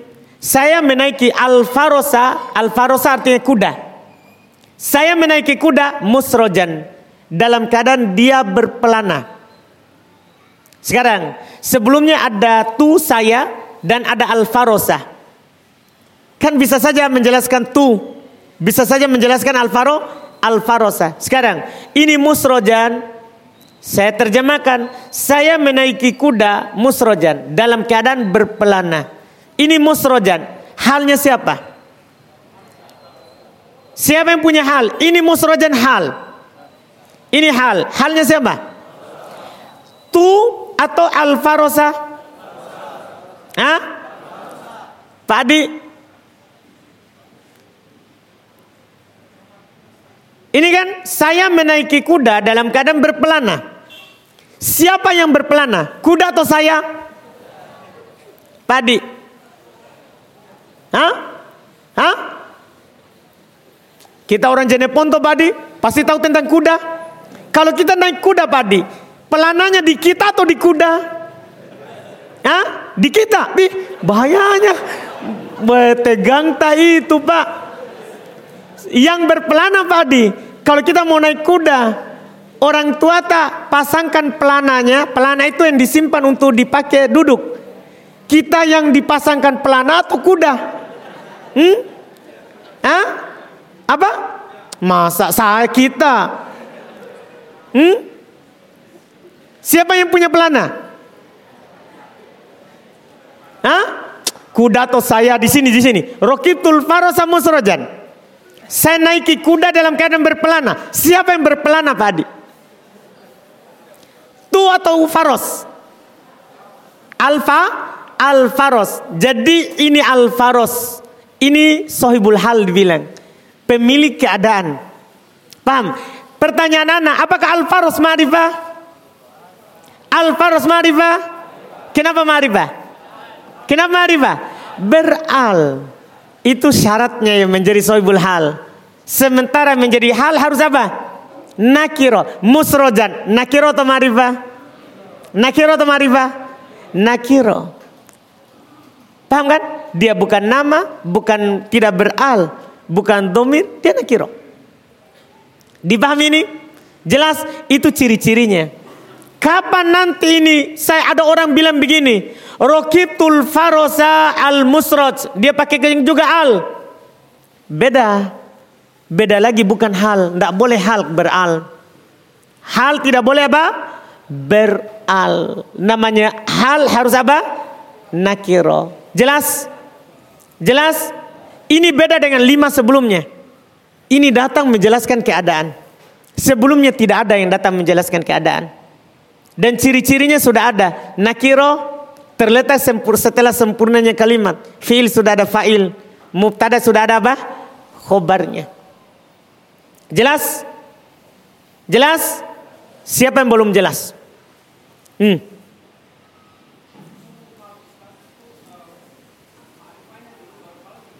Iya kan hal selalu setelahnya. Dia kan mau jelaskan sebelumnya. Walaupun nanti bagi orang yang sudah kelas tinggi boleh dibalik-balik, tapi pemula jangan dibalik-balik. Ya kan? Kan sebut tadi setelah sempurnanya kalimat. Arti itu hal tidak ada di awal. Untuk tahap awal kan, dia selalu datang kapan? Setelah kalimat itu sempurna. Jelas? Iya kan? Fiil sudah ada fa'ilnya. Kalau dia butuh maf'ulun bi, ada lagi maf'ulun bi-nya. Baru datang apa? Hal. Jelas? Siapa yang belum jelas? Kita. Eh, yang balik. Kita tidak angkat tangan tadi. Oh, tadi kita angkat tangan begini. Oh, cuma mau garuk. Baik, Mbak. Hmm. Baik. Masalahnya saya habis tanya, langsung kita mau garuk. Baik. Alhamdulillah, Pak, kalau begitu. Jelas ini? Yakin? Yakin jelas? Yakin ini? Alhamdulillah ini sudah enam. Kan anak bilang sembilan, berarti sisa berapa? Tiga, cuman dari tiga itu ada satu yang luar biasa panjangnya. Makanya kita targetkan sekarang enam. Paham kan? Supaya pertemuan nanti di depan sisa tiga. Sisa tiga. Kita baca dulu Alhamdulillah. Ya, antum bersabar ya. Masih bersabar? Masih bisa bertahan sampai selesai dibaca? Masihlah Alhamdulillah. Ya, siapa yang mau pulang silakan. Iya, tinggalkan kami sendiri. Baik, kita baca. Mababu mansubatil asma, bab isim-isim yang dinasab. Bab isim-isim yang dinasab. Pertama al-maf'ul bih dalam kurung objek. Ya, al-maf'ul bih huwal ismul mansubu alladhi yaku alaihi fi'lu. Ini adalah isim mansub yang jatuh padanya pekerjaan. Jadi pekerjaan itu jatuh padanya, dia dikenai. Dia yang dikenai. Iya, kalau ada orang makan dan pekerjaannya makan, yang dimakan itu namanya maf'ul bi. Lihat contohnya, metal darabtu zaidan. Mana maf'ul bi? Darabtu zaidan. Mana maf'ul bi? Rokibtul farosa. Mana maf'ul bi? Fatahtul babaini. Mana maf'ul bi? Apa alamat nasabnya? Apa alamat nasabnya al babain? Ya, dia isim? Isim apa? Isim apa yang alamatnya ya? Mutan? Mutanna. Ra'aitul muslimina. Mana maful bi? Ya. Mana maful bi? Ya. Begitu jawabannya. Ah, mana maful bi? Al muslimina. Apa alamatnya? Ya, itu baru. Jadi tadi mana maful bi? Ya terlalu mau sekali pulang. Iya. Roa itu abaka. Mana mana maful bi? Mana maful bi? Apa alamatnya? Apa alamatnya? Karena dia isim. Kan dia siapa? Alasmaul khumsa. Ah, ini kan kembali ke tabel semua alamatnya. Jelas? Kemudian wahu nau'an. Dia terbagi dua. Dohir kama musil. Ada maf'ul bi dohir sebagaimana contoh. Tadi sudah lewat semua itu tadi dohir. Yang kedua domir, wah kisman dia terbagi dua. Ada mutasil sudah lewat mutasil. Apa artinya mutasil? Apa artinya mutasil? Bersambung. Wah kisman lihat mutasil metil. Dorob tuhu mana maful bi? Dorob tuhu mana maful? Dorob tuhuma mana maful bi? Jangan bilang tu karena tu fa'il. Selalu tu itu fa'il. Demikian pula ta ti selalu fa'il atau naibul fa'il. Tergantung fiilnya. Darabtuhum maf'ul bi maf'ul bi darabtuha darabtuhunna darabtuka darabtuki darabtukuma darabtukum darabtukunna darabtani. Itu ya-nya ni. Itu ya-nya itu sari siapa? Saya artinya dorob tani. Kamu pukul saya. Saya ganti ta, ganti tu menjadi ta. Masa dorob tuni, saya pukul saya. Kan tidak bagus pukul diri sendiri. Paham kan? Pukul orang lain bagus. Iya enggak? Enggak lah. Ini contoh. Hmm, ini contoh. Jangan sampai sebentar. Oh bagus paling pukul orang lain. Ayo mi. Iya. Enggak. Ini dorob tani. Kamu pukul saya. Ni itu saya. Jelas kan? Berarti mafuluminya siapa? Iya-nya bukan ninya. Itu eh, nunnya itu supaya fiilnya tidak dikasro. Karena masalahnya kalau fiil bersambung langsung dengan dia akan dikasro. Jadi mereka taruh nun. Namanya nun wikoya. Nun penjaga fiil dari kasro. Jadi supaya fiilnya tidak dikasro. Kasih nun. Supaya nunnya dikasro. Karena kasro itu alamatnya siapa? Alamannya siapa? Isim.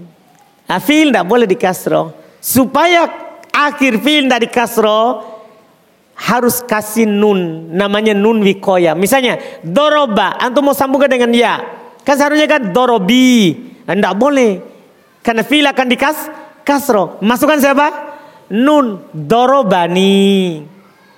Paham caranya? Namanya nun wikoya. Nun penjaga fiil dari kasro. Paham kan? Nun penjaga fiil dari apa? Kasroh. Dorob tanah. Mana maf'ul bi? Mana? Itu nah semuanya namanya bersambung. Karena bersambung langsung dengan fiil. Nah tidak terpisah. Yang kedua mumfasil. Bisa juga domirnya mumfasil. Nah contoh, mitil contoh. Iya karena abudu. Cuman ini di depan. Karena maf'ulun bi itu boleh di depan kalau berupa domir yang terpisah. Iya karena abudu. Mana domirnya? Mana maf'ulun bi-nya? Iyaka yang berada di depan. Kan itu domirnya. Na'budu fiilnya fiilnya. Mana abudu illa iyaka. Mana maf'ul? Mana maf'ul? Iyaka. Ini di akhir. Karena domir terpisah boleh di awal, boleh juga di mana? Di akhir. Jelas? Ada terjemahannya di buku, ada semua Alhamdulillah. Yang kedua al-maf'ul mutlak. Lihat pengertiannya. Al-maf'ul mutlak huwal masdaru. Anda tidak bilang lagi isim ya. Supaya memperpendek pengertian. Ini kan anak bilang isim mansub. Tapi kenapa anak bilang masdar? Untuk mengingatkan antum. Namanya maf'ul mutlak itu harus apa? Masdar. Makanya ada bilang masdar. Masdar juga isim. Masdar juga adalah adalah apa? Isim. Masdar al mansub. Masdar yang mansub. Jadi sebenarnya sampai di situ itu sudah cukup. Masdar mansub. Setelahnya itu hanya fungsinya. Al muakkidu li amili yang menguatkan amilnya diterjemahkan sungguh.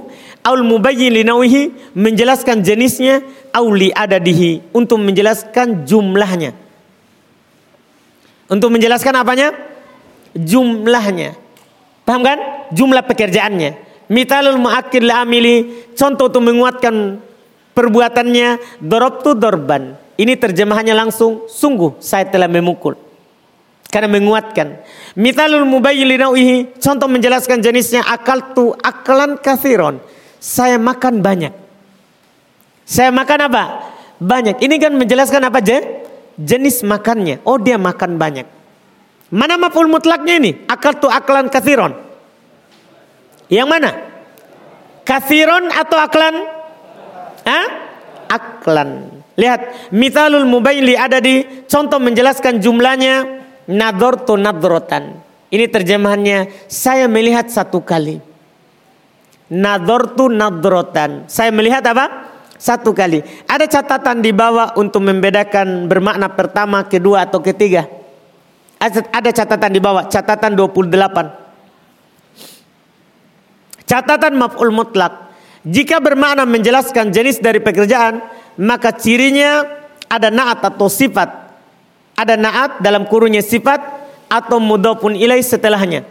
Nah, ini masih agak sulit ya karena kita belum pelajari apa itu naat dan apa itu mudhafun ilai. Kita akan pelajari di ujung kitab. Di ujung kitab ini yang nahwu. Insya Allah mungkin pertemuan pekan depan. Kalau kita ambil dua kali atau tiga kali pertemuan. Paham ya? Nah, ini yang disebutkan. Ya dia pokoknya harus ada naat setelahnya atau mudhaf nilainya. Ciri-cirinya ada kata setelahnya lagi. Lihat. Contoh tadi. Akal tu aklan kathiron. Ada kata lain setelahnya? Ada kata lain? Setelah maf'ul mutlak. Ada kata lagi setelahnya? Ini, ini, ini. Akal tu aklan kathiron. Ada kata lain lagi? Ada. Itu cirinya menjelaskan jenisnya. Paham cirinya itu? Paham cirinya? Jadi ada lagi kata lain. Sebagai naat atau sebagai mudafun ilai. Ini masih sulit karena kita belum tahu apa itu naat. Dan Anda tidak bisa jelaskan karena akan ada pelajaran khususnya. Naat itu apa? Dan apa itu maf'ul mutlak? Apa itu apa? Mudafun ilai. Dipahamkan? Itu ciri-cirinya. Dan jika bermakna menjelaskan jumlah pekerjaan, maka cirinya ia berada di atas wazan fa'alatan, polanya. Wazan artinya polanya. Kalau berada di atas bentuk fa'alatan, sudah. Itu menjelaskan jumlah pekerjaan. Antum terjemahkan sekali, dua kali, tiga kali. Pokoknya ada kata sekali. Seperti tadi, nadrotan, falatan. Polanya, polanya. Nadrotan, polanya falatan. Falatan, oh menunjukkan jenis, eh, apa jumlah pekerjaan. Makanya tadi satu kali. Satu kali. Selain itu, maka bermakna menguatkan pekerjaan. Kalau tidak ada sifat setelahnya, atau tidak berada di atas pola fa'latan, sudah dia menguatkan pekerjaan. Kalau antum tidak tahu ciri-cirinya ini, tidak ada masalah. Kalau antum tidak tahu itu kan dalam menerjemahkan. Yang paling pokok adalah antum tahu dia adalah masdar. adalah maf'ul. Kemudian setelah tahu dia adalah masdar, tentukan. Kalau mansub sebagai maf'ul, sebagai maf'ul mutlak. Pembahasan terakhir untuk dia wahyu kisman. Dia terbagi dua. Ini membuat kita nanti berani menentukan ini adalah maf'ul mutlak dengan ketentuan terakhir ini. Dia terbagi dua, lafdiun wa ma'nawiyun. Ada yang lafdi dan ada yang apa? Ma'nawi. Apa itu lafdi? Ana juga kasih tahu antum supaya semuanya dimudahkan. Fa in wafaqa lafduhu lafdhu fi'lihi fa lafdi. Kalau lafadznya sama dengan lafadz fi'ilnya maka disebut lafdi.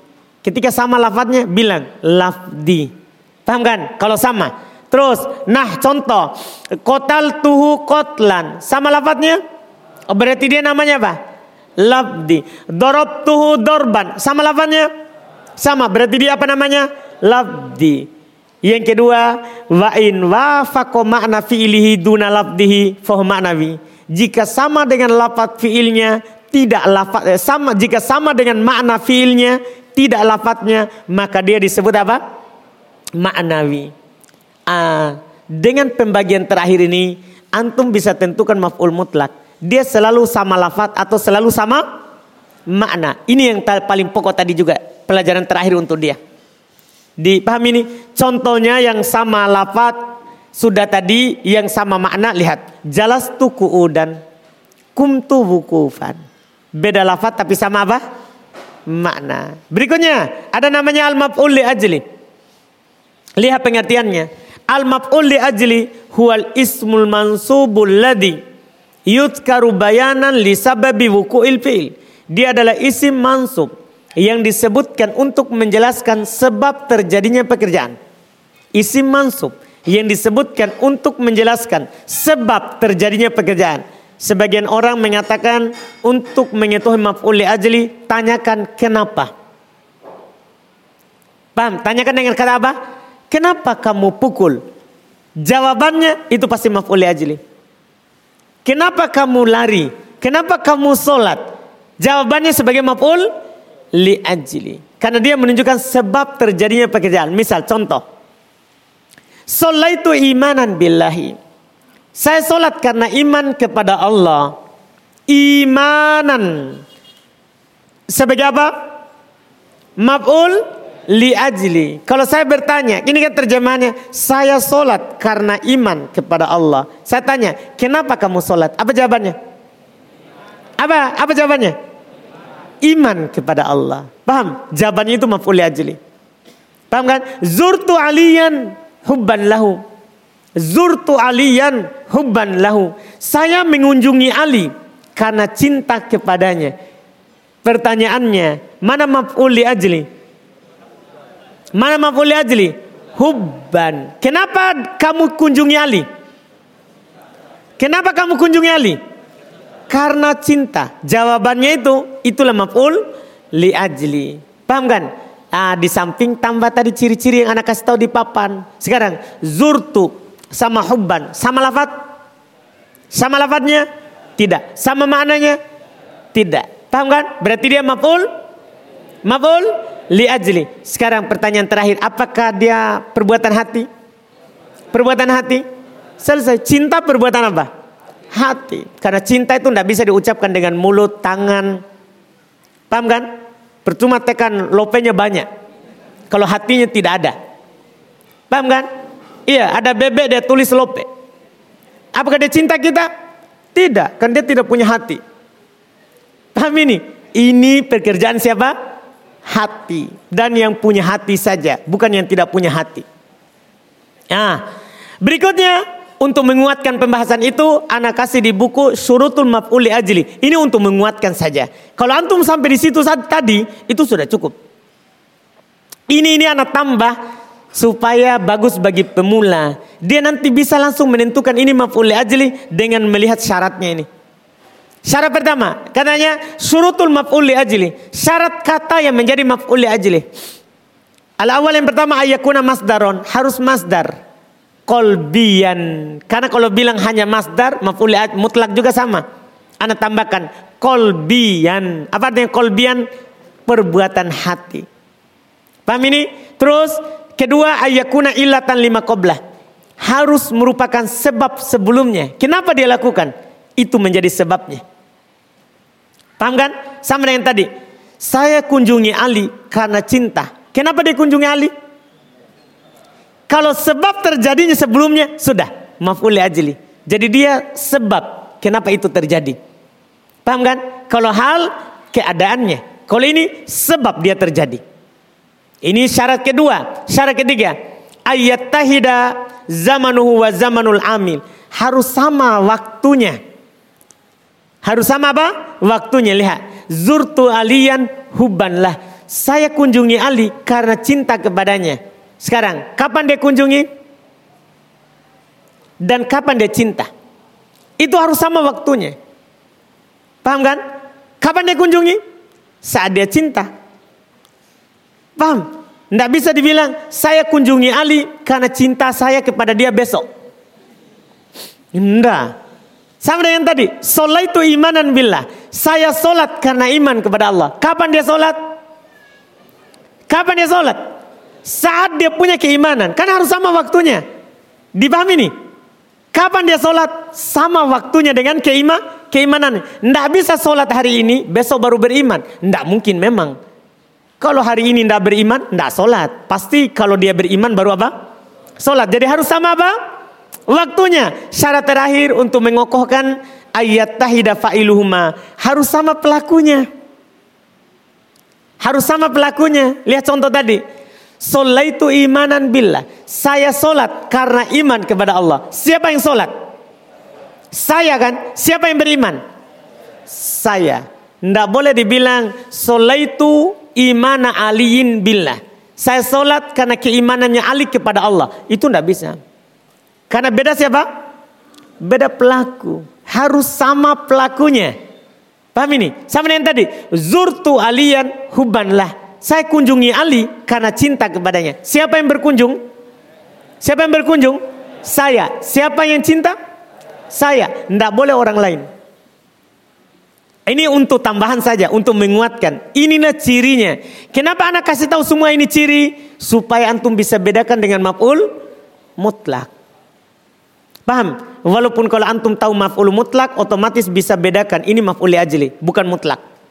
Karena maf'ul mutlak sudah ada ciri sendiri. Sama lafat atau sama apa? Makna. Selesai. Berikutnya, maf'ul fi. Ini lebih mudah lagi. Maf'ul fi. Al-maf'ul fi huwal ismul mansubu bitakdiri makna fi. Dia adalah isim mansub dengan ditakdirkan makna fi, terjemahkan pada atau di. Nanti. Libayani wuku'il libayani zamani wuku'il fi'ili untuk menjelaskan waktu terjadinya pekerjaan au makanihi atau tempatnya. Untuk menjelaskan waktu terjadinya pekerjaan atau tempatnya. Dipahami ini? Iya lihat Nah contoh mithil sumtu yaumal khomisi. Mana maf'ul fi? Saya puasa hari Kamis. Mana maf'ul fi? Apa? Yauma. Jalastu amamal gurfati. Kalau yang kasro jangan dulu ditanya ya. Mansub saja dulu di sini cari. Jalastu amamal gurfati. Mana maf'ul fi? Amama. Ini terjemahannya saya duduk di depan rumah. Paham? Sampai di situ itu sudah jelas pelajaran. Cuman di bawah alhamdulillah anak kasih antum sebagai faedah saja. Kata-kata yang sering menjadi maf'ul fi dari waktu dan tempat. Lihat, wa min min zaman termasuk kata-kata yang menunjukkan atas waktu selalu maf'ul fi al yauma al lailata gudwatan bukrotan sering kadang datang dalam ayat dalam ayat iya saharon Godan sering kita bilang ya godan. Godan itu baca mansub sebagai maf'ulun fi. Godan artinya apa? Hari setelah hari antum. Hari setelah hari antum sekarang. Berarti besok kita tadi dipersulit hari setelah antum supaya dipikirkan. Paham ya? Bahasa kitanya apa?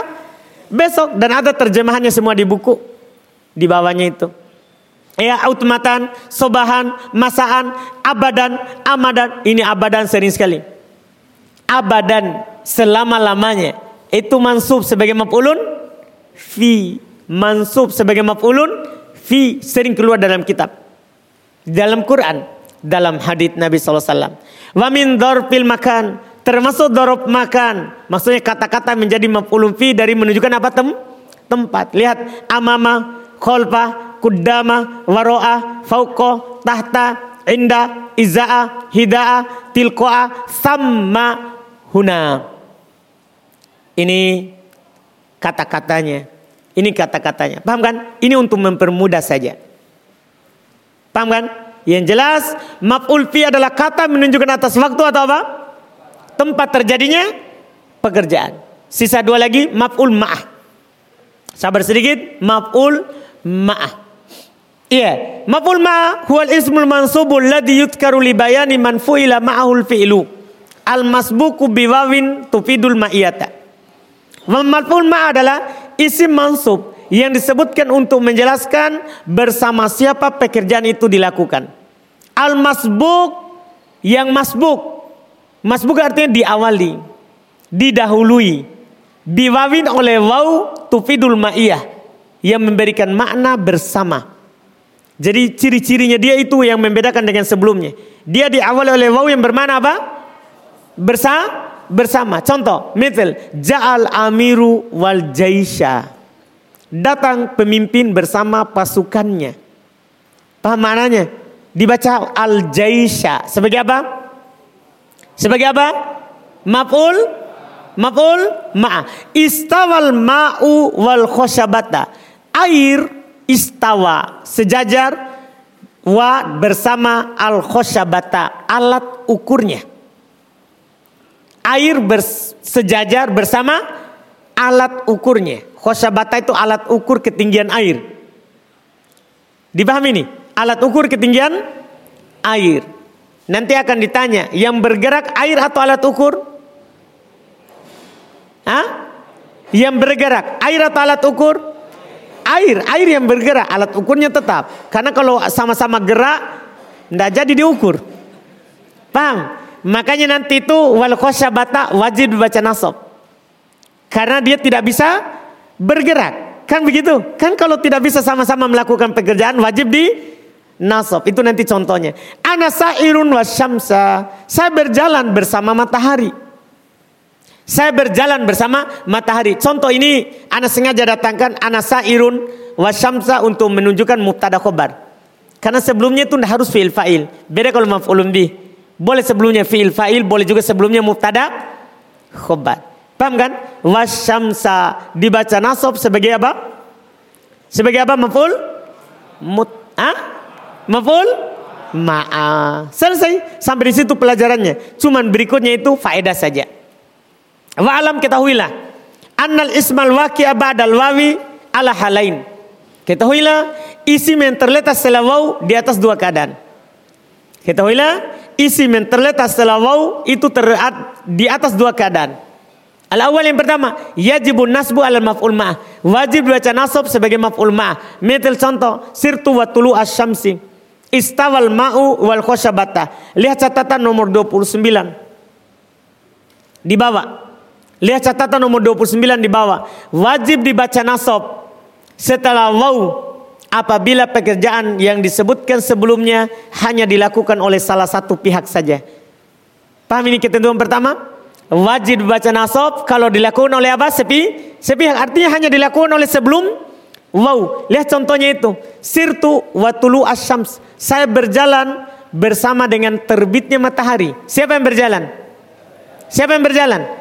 Saya. Berarti sepi, sepihak. Maka wajib baca watulu ah sama dengan contoh kedua, istawal ma'u wal khosyabata. Air sejajar bersama alat ukurnya. Ini kata wal khosyabata wajib baca apa? Wajib baca apa? Nasab. Sebagai apa? Maf'ul ma'ah. Karena ini hanya sepi sepihak. Yang kedua, ya juzun nasbu alal maf'ul ma'ah. Boleh nasab sebagai maf'ul ma'ah wal atfu lima dan ikut kepada sebelumnya harokatnya Harokatnya boleh ikut terhadap apa? Sebelumnya. Metel contoh. Ja'al amiru wal jaisha boleh. Wal jaisu boleh. Boleh baca doma, boleh baca apa? Fat, fathah. Tapi ingat artinya beda itu? Kalau antum baca fathah bersama wawunya artinya. Kalau antum baca jaisu, doma dan bedakan terjemahannya nanti. Karena beda arti, beda harokatnya. Beda arti, beda harokatnya itu. Iya. Yeah. Contoh kedua, Ja'a Muhammadun wa Yusufa. Boleh juga dibaca apa? Boleh juga dibaca apa? Hah? Yusufu. Jelas ini? Boleh dua bacaan. Yusufa, Yusufu. Jelas? Jelas ini? Alhamdulillah. Berikutnya terakhir pelajaran paling terakhir hal. Untuk hari ini kita tutup dengan pembahasan hal. Ya, al-hal huwal ismul mansubu al mufassiru liman bahama minal hayat. Hal adalah isim mansub yang menjelaskan apa yang samar berupa keadaan. Mudah sekali. Dia cuma menunjukkan atas apa? Keadaan. Keadaan. Misal contoh, Ja'a Zaidun rokiban. Mana hal? Mana hal? Rokiban. Rokibtul farosa musrojan. Mana hal? Mana hal? Musrojan. Laki itu Abdullahi rokibain. Mana hal? Apa alamat nasabnya ini? Apa alamat nasabnya? Ya, karena dia isim. Karena dia isim musanna. Paham ya? Terakhir surutul hal wa sahibil hal. Syarat hal dan pemilik keadaan. Hal adalah kata yang menjadi halnya. Kemudian sohibul hal pemiliknya. Yang diterangkan keadaannya. Yang pertama. La yakunul hal ila nakiro. Hal tidak boleh nakiro. Simpan kacamatanya saudara. Jangan jadikan permainan. Iya. Hal tidak boleh apa? Hal tidak boleh nakiro. La yakunul hal ila nakiro. Hal tidak boleh menjadi nakiro. Hal tidak boleh kecuali apa? Nakiro. Artinya tidak boleh apa? Ma'rifah. Ingat, antum tidak boleh bilang ini hal sementara dia ma'rifah. Tidak boleh pelanggaran. Karena namanya hal tidak boleh ada kecuali pasti berubah apa? Nakiro. Harus nakiro. Dan antum sudah tahu ciri nakiro. Alhamdulillah. Antum sudah tahu ciri nakiro. Di pelajaran sebelumnya. Syarat kedua. La yakunul hal illa ba'da tamamil kalam. Tidak ada hal kecuali setelah sempurnanya apa? Kalimat. Itu dia datang, fiil sudah punya fa'il. Mubtada sudah punya apa? Khobar. Baru ada hal. Baru boleh. Tidak boleh datang langsung hal tanpa ada sebelumnya. Terus, la yakunu sahibul hal illa ma'rifah. Ini untuk sahibnya, pemiliknya. Tidak boleh ada sahibul hal kecuali, kecuali harus apa? Ma'rifah. Namanya pemilik keadaan harus ma'rifah. Tidak boleh nakiro. Kebalikannya. Kebalikannya. Hal harus nakiro. Sementara yang mau dijelaskan keadaannya harus apa? Ma'rifah. Jelas? Selesai. Alhamdulillah. Ini sudah selesai. Sisa tiga. Mudah-mudahan antum tetap bersabar sampai selesai. Ini sedikit, sisa sedikit sekali lagi. Iya. Paling tinggi tiga kali pertemuan. Ini kan pertemuan keberapa? Hah? 10. Paling tinggi tiga. Paling tinggi. Dan bisa jadi dua. Tergantung pemahamannya terhadap istitna. Kalau cepat dipahami insya Allah dua. Kalau tidak terlalu cepat berarti tiga kali. Dan anak berharap antum nanti setuju ya. Bahwa kita pekan depan langsung saja dua kali pertemuan atau tiga kali. Nanti kita pilih harinya. Maksudnya misalnya Senin, Rabu, Kamis atau Pokoknya antum pilih. Dan nanti juga dikondisikan juga di sini yang tidak ada pelajaran sorenya. Antum paham ini? Jelas ya? Nanti kita kondisikan. Nanti akan diumumkan di grup. Yang jelas pekan depan, pekan terakhir. Ya, supaya yang mau pulang dekat Ramadan bisa pulang. Paham ya? Jangan sampai dia ditahan oleh nahwu Walaupun orang tetap pulang, walaupun ada nahwu.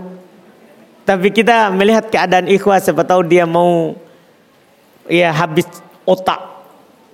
Nah, capek mau santai sama keluarga.